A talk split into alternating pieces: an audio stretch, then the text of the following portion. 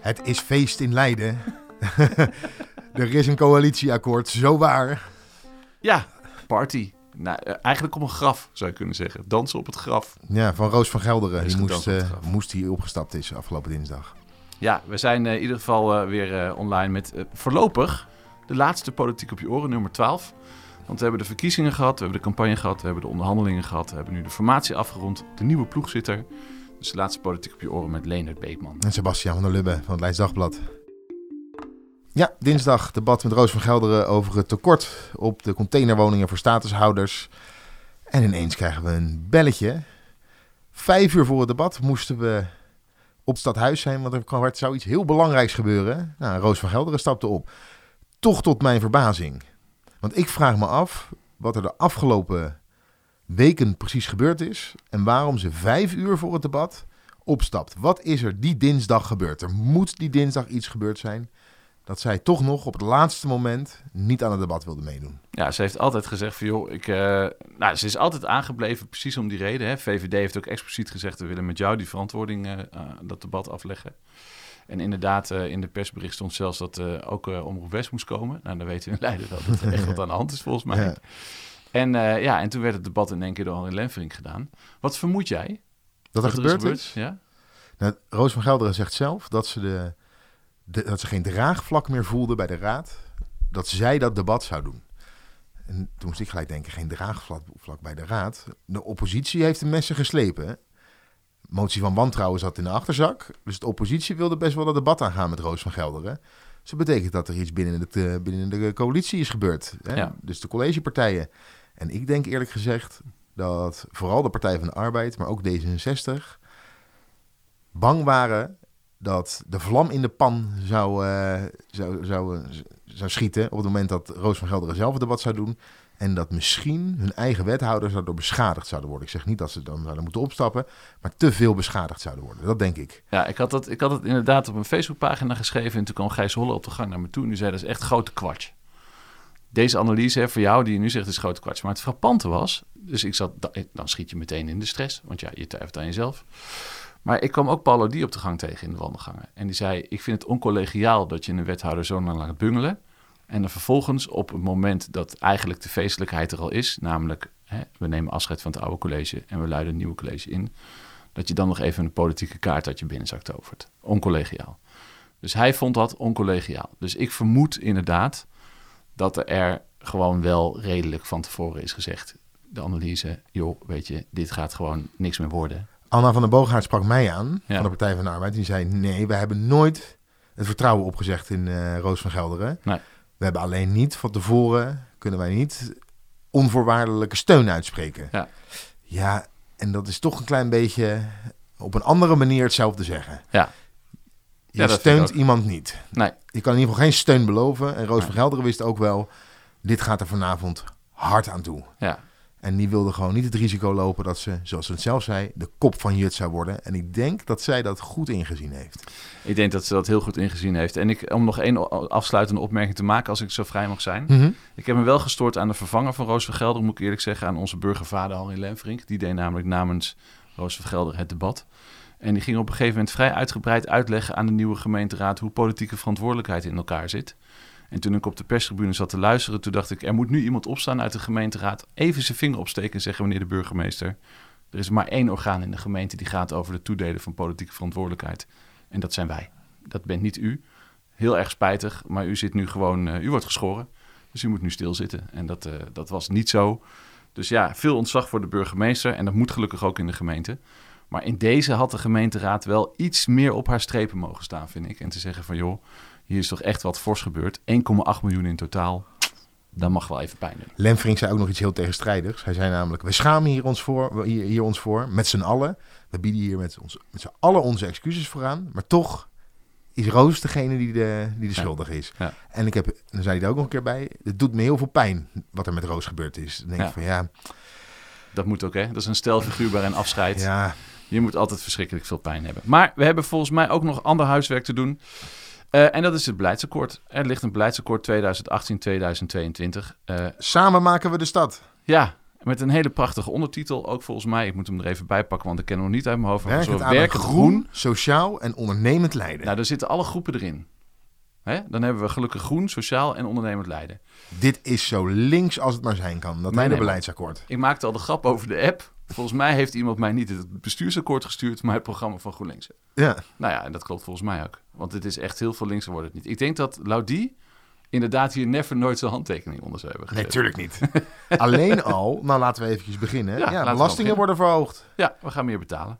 Ja, We beginnen nu eens een keer achteraan. Laten we beginnen met de financiële paragraaf. Ik wil echt heel graag beginnen met de Ja, belastingverhoging. dat lijkt me een goed idee. De OZB wordt verhoogd en de afvalheffenstoffing wordt verhoogd. En er staat een zinnetje bij. Dan laten we beginnen met de OZB. Die wordt eh, verhoogd met 1,5% plus inflatie.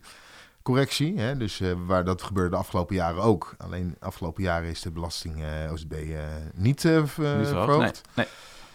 En ze gaan de afvalheffenstoffingen gaan ze verhogen met, naar het, hè, dat het 100% dekkend is. Dat betekent Ja. dat we nu de gemeente elke keer geld erbij gestopt heeft. Hoeveel weten we niet. Geen idee, want dat Misschien heeft het maar de bij. helft betaald gewoon. Ja. Altijd. Dan kan het nu twee keer zo duur. We weten het niet. Maar dan staat er een zinnetje bij, daar heb ik het eens over gehad. Precario-belasting. Per 2022 wordt de precario-belasting afgeschaft. Hè, de belasting voor het gebruik van gemeentegrond, alle kabels Ja, erin, precies, soort ja. dingen. Ja. En dat moet dan, hè, dat betalen wij allemaal indirect via onze energieleverancier, want die betaalt die precario-belasting. Dat gaan, gaan zij compenseren naar de consument. En zo ga je qua saldo niet meer betalen. Maar misschien een heel ingewikkeld verhaal. Laat ik het makkelijker maken. Dat gebeurt pas in 2022. Dus als we op wat voor manier dan ook gecompenseerd gaan worden door onze energieleverancier of waterleverancier, dan is dat pas in 2022. En de aankomende vier jaar wordt de belasting gewoon verhoogd. Dus worden we nergens gecompenseerd. Dus met dit college gaan we de aankomende vier jaar meer belasting betalen. Zo simpel is het. En dat zinnetje over de precario-belasting 2022 kan je erbij zetten, maar heeft geen betrekking op de aankomende vier jaar. Los nog van de vraag of een gemeente een partij is die die eh, eh, eh, grote energiemaatschappijen daar ook aan gaat houden. Dat die rekening verlaagd wordt met de precario-rechten. Ja, maar die Dus afspraken zijn wel gemaakt. Ja, Ja. oké. Wat mij nog opviel bij mobiliteit is een heel interessante zin die ik niet begreep. Ik heb hem grammaticaal proberen uit elkaar te pluizen, maar er staat iets heel vreemds. De kosten en opbrengsten van parkeren, zowel voor de auto als voor de fiets, verlopen via een gesloten systeem, systeem zodra de stand van de parkeerreserve dit toelaat. Geen idee wat dat betekent, maar nu komt hij. Nu komt hij. Er zit een verwijswoord in. Nou, ik neem maar opletten. Daarmee financiert Leiden de komende jaren een fietsenstalling van 7000 extra stallingsplekken bij het Leiden Centraal. Dus er gebeurt iets in een parkeergarage en daarmee worden fietsstallingen bij het Centraal betaald. Nou, dat vind ik op zich een heel interessante. Want ik heb namelijk altijd van het vorige college begrepen dat die parkeerkosten kostendekkend moeten zijn. Ja, Die mogen helemaal niks opleveren. Want dat was altijd het verweer van Robert Strijk geweest, de formateur van dit eh, college. En ook een beetje de, eh, eh, nou ja, proberen de, om te pas, hè, de tegenstellingen te passeren tegen de tegenstellers van, die, van het parkeerbeleid, de tegenstanders van het parkeerbeleid. Maar hier gebeurt iets heel raars. En hier gebeurt grammaticaal misschien iets heel scheefs, of politiek heel scheefs. Ik kan het niet helemaal goed inschatten wat er precies aan de hand is. Sebastiaan, wij beginnen gelijk weer met, met zeuren, klagen, eh, piepen. Ja. Laten we even de goede dingen eruit halen. Laten we een dat paar de- mooie dingen eruit Dat de halen. luisteraar het ook eventjes leuk heeft. Dan gaan we, daarna gaan we gewoon weer vol zeuren. Eén heel positief punt mag ik zeggen. Ik heb ooit onderzoek gedaan een tijd geleden met studenten aan de Universiteit Leiden. En die kwamen erachter dat het echt in Leiden hondsberoerd gesteld is met het klimaat in de klasse. Het is gewoon echt slecht gesteld met de luchtkwaliteit. Dat is al een hele tijd zo. Groot probleem. Wat wordt er gebeurd? 35 miljoen extra voor de investering in schoolgebouwen. En dat is joepie de poepie, want het gaat gewoon over de gezondheid van onze kinderen. Ja. Dus dat kan, niet, dat kan niet 35 miljoen te veel zijn. Hartstikke goed.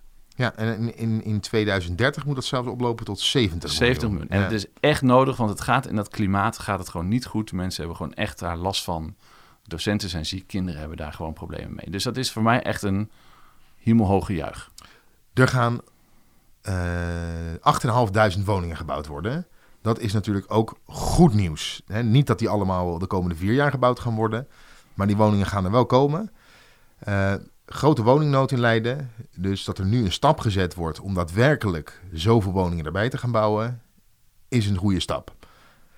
Heb ik zometeen. In het kritische deel heb ik daar nog wel iets over te zeggen trouwens. Maar dat is voor zometeen.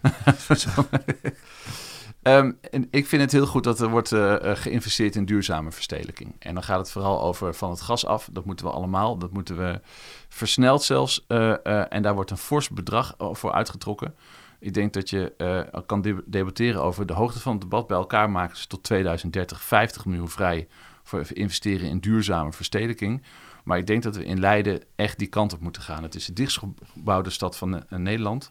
En er is ook objectief, dat is uitgerekend door Jos de Broek, hoogleraar hier aan de Universiteit Leiden, is objectief ook gewoon statistisch een verband tussen het aantal oppervlakte groen en de gezondheid en levensverwachting van mensen.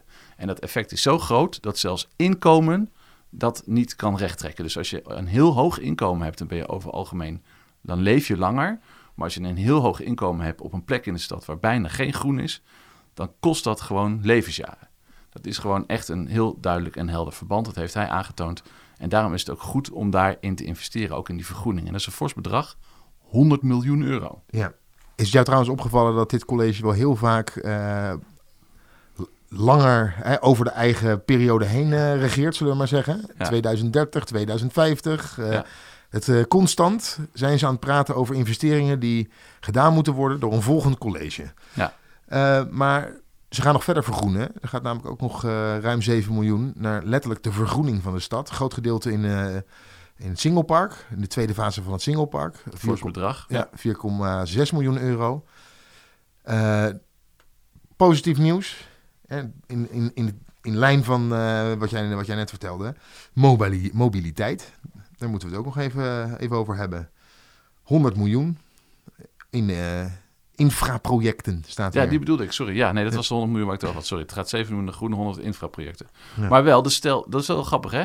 De fiets, de loper en de reiziger, reiziger per openbaar vervoer, die worden vooropgesteld. Dit college laat de automobilist wel in de steek. Ja.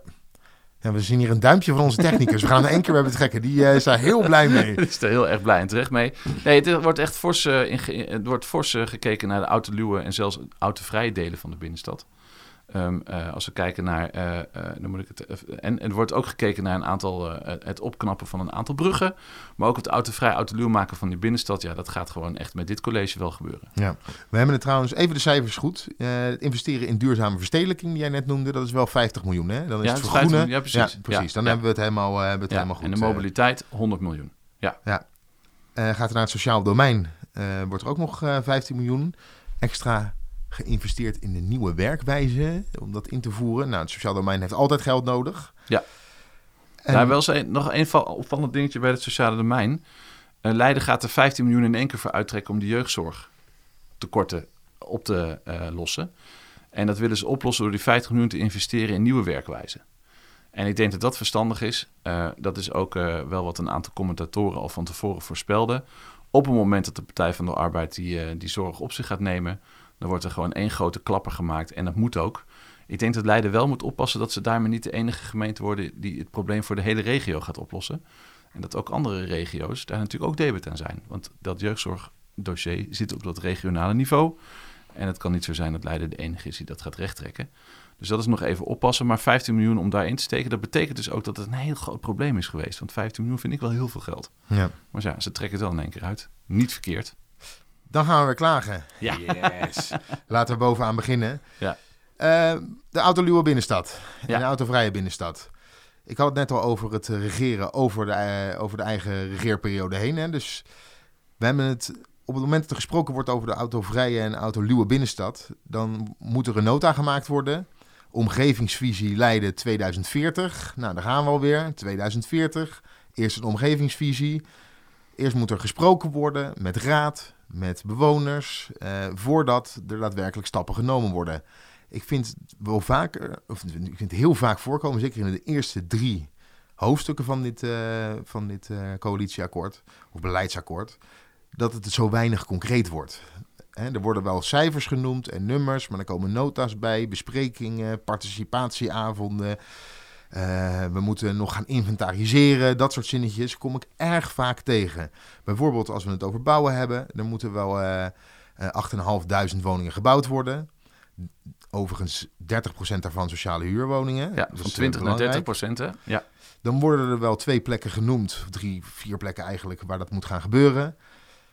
Maar daar wordt al gebouwd. Dat zijn hele logische plekken om dat te noemen. Leiden Centraal, Lammenschans uh, station, Lammenschans zelf, Churchilllaan. Ja. Dus daar vertellen ze ons niks nieuws mee. Nee, we moeten horen waar gaan we dan wel bouwen. Hè? Wat worden dan die nieuwe locaties waar die 8.500 woningen gaan komen? Want dat is namelijk belangrijk.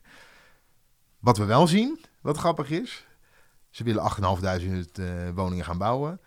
Maar het weinige concrete wat er over bouwen staat, zijn twee bouwprojecten. Hè, bij de, in de Merenwijk en de toekantoren bij de Stevenshof, waar heel veel eh, verzet tegen is, die ze dan niet gaan bouwen. Dus ze beginnen eigenlijk in de min. Een soort Leiden-dorpje, hè? Ja. Als het heel concreet wordt, dan schieten we het af. Wat trouwens wel opvallend is, nou ja, niet zozeer, er komen wel 2700 studentenkamers, vooral voornamelijk op Bioscience Park. Ja, maar volgens mij zijn die al gepland. Dus het is vrij makkelijk om dat erin nou, te Ik kan me zetten. herinneren dat er ook nog wel enorm verzet was tegen zo'n studentenhotel. Ja. Dat was meer tegen de constructie overigens dan tegen de kamers. Ehm, wat wel in het akkoord wordt toegegeven is dat een van de manieren waarop je trouwens die achterstand in studentenkamers zou kunnen opheffen is het verkameren. Want dat is de snelste manier om ervoor te zorgen dat er genoeg kamers zijn. Maar daar is de Partij van de Arbeid een fel tegenstander tegen. Dus het wordt ook eh, in het akkoord gezegd, alle eh, vergunningen voor het verkameren van je woning worden eh, nu stopgezet. ja, en ik, dus vraag ook dat me, wordt dus ook stopgezet. ik vraag me dus af of dat kan. Ik, Nou ja, dat is me, interessant. ik vraag me af, want op het moment dat zo'n huisbaas die verkamert, die zijn, hè, dat is zijn, eh, zijn eigendom, hij kan een vergunning daarvoor krijgen. Mensen moeten ook wonen. Ik ben ook zelf de wijk ingegaan, Transvaal ingegaan, om met studenten te spreken over het verkameren. Hè. Dus een keertje ben ook binnen geweest bij studenten. Ja, en eh, bij de ene student die hier binnenkomt, die jongen om twee uur 's middag stond hij letterlijk in zijn, eh, in zijn pyjama buiten op straat. Eh, het was overduidelijk dat hij die avond daarvoor eh, uit was geweest. En toen ik hem vroeg, ben je wel een beetje stil? Op het moment dat je thuis komt, zei hij, ja, ja, stil, stil. Meestal weet ik niet eens meer hoe ik thuis ben gekomen. Het volgende studentenhuis waar ik kwam, dat waren nette meiden uiteraard. Hè? Nee, de meiden zijn altijd netter. Die zeiden, ik ben speciaal in Transvaal komen wonen omdat het hier zo lekker rustig is. En omdat ik tijd nodig heb om te studeren en ook de rust nodig heb om te studeren. Dus ja, ik vind ook dat je nog steeds die studenten te veel op één hoopje gooit. Van, nou, als je studenten naast je krijgt, dat is echt het grootste drama dat je ongeveer kan overkomen. Dat vind ik ook een beetje tekort doen aan de studenten, moet ik eerlijk zeggen. Maar stel je voor dat zo'n huisbaas op het moment dat hij de vergunning niet krijgt en naar de rechter gaat, Ja. vraag ik me af of de gemeente... Nou ja, ik ben benieuwd of het op deze grond inderdaad dan wel een goede grond is. Je moet een grond hebben om die vergunning dan niet eh, de, eh, de besluit om, om, die, om dat, een grond om dat besluit te nemen. We moeten Maar er heel snel kent- doorheen. We zijn bijna door onze tijd heen, Sebastiaan. We gaan even nog een paar eh, dingetjes. Wat is je nog meer opgevallen? Wat me heel erg opgevallen is dat ze incidenteel willen investeren uit het eh, verkopen van erfbouwgrond. En ik denk dat dat, dat is je kapitaal als gemeente. En dat is natuurlijk risico. Daar kan je in één keer veel geld mee binnenhalen. Maar als je het kwijt bent, ben je het kwijt, krijg je het nooit meer terug. Terrassen. Ter- terraseigenaren, de horeca-eigenaren, die, die zijn natuurlijk een beetje geplaagd de afgelopen jaren. Moesten allemaal eh, stoeltjes aanschaffen die pasten binnen het historisch kader van de binnenstad, wat het dan ook mag zijn. Eh, die regels worden versoepeld. Dus dat zal goed nieuws zijn voor alle horeca-mensen in Leiden. Alle cultuurminnende mensen die nog vier jaar geleden uh, gekscherend van Paul die hadden het horen gekregen dat het panfluitensemble uit de wijk uh, het op zijn buik kon schrijven. Voor hen is nou een Lucas van Leiden fonds ingericht voor de openbare ruimte kunst daarin 1 miljoen euro. En nog leuk voor alle mensen die dus in Transvaal wonen. Groot verzet geweest tegen de Morsportgarage. Onder andere van de linkse partijen. En wat stellen ze nu voor? De Morsportgarage voorlopig te laten staan. Omdat ze die auto's ook uit de binnenstad willen hebben. Zolang de nieuwe parkeergarage nog niet af is op de Garenmarkt, moet die Morsportgarage maar uh, blijven staan. Is volgens mij het idee. En uh, nou, jij mag de afsluiter doen, uh, Sebastian. Ja, er is maar één paragraaf in dit akkoord korter dan de paragraaf over de veiligheid in de stad. En dat is het paragraaf, dat is niet helemaal waar. De, de enige paragraaf die korter is dan het paragraaf waar ik nu over heb, is hier over veilige stad. Uh, de ondernemers in de stad. Ik heb er heel hard naar gezocht. Er is een heel kort stukje over geschreven. En ze zijn ongelooflijk nodig en ze lopen tegen bureaucratie aan waar we wat mee gaan doen. En daar moeten de ondernemers het komende vier jaar volgens mij maar mee doen. Want ja. heel veel meer is er niet over in dit akkoord. Tot slot, de zes of vijf wethouders. Ja. Vier vrouwen, ja. één heer. Jij mag ze noemen, Sebastian. Ik mag ze noemen. Nou, dan gaan we. Voor onderwijs, jeugd en financiën wordt het Paul Dirksen van D66. Werk, economie en cultuur, Yvonne van Delft, die kennen we, is een raadslid. GroenLinks. Eh, Marleen Dame van GroenLinks, Marleen Dame komt terug voor gezondheid en welzijn. Geen verrassing. Fleur Spijker, ook raadslid van D66. Wordt duurzame verstedelijking, dus die gaat zich vooral met de omgevingswet bezighouden. En Martine Leeuwers, ik moest ze even opzoeken, maar ze is best wel belangrijk geweest in het Hoogheemraadschap Rijnland, onder andere. Ze gaat doen over duurzaamheid en mobiliteit. Dat is de ploeg die het mag gaan doen onder leiding van Henri eh, de burgemeester, want die blijft ook. Ja, dit was de laatste politiek op je oren, maar nog niet helemaal, want we hebben nog goed nieuws. Voorschoten en Oesgeest moeten namelijk nog een nieuw college krijgen. En we gaan natuurlijk niet de zomervakantie in voordat we dat geanalyseerd hebben. We gaan u niet in de steek laten. Dus Politiek op je oren komt nog één keertje terug. Dan hebben we onze mooie zomerstop. Gaan we lekker genieten. Ga ik een kind krijgen trouwens. en dan zijn we weer lekker terug. Ja, luister naar Politiek op je oren. Soundcloud, daar kun je ons op terug horen. iTunes, daar kun je ons op abonneren. Mijn naam is Sebastiaan van der Lubbe, samen met Leonard Beekman.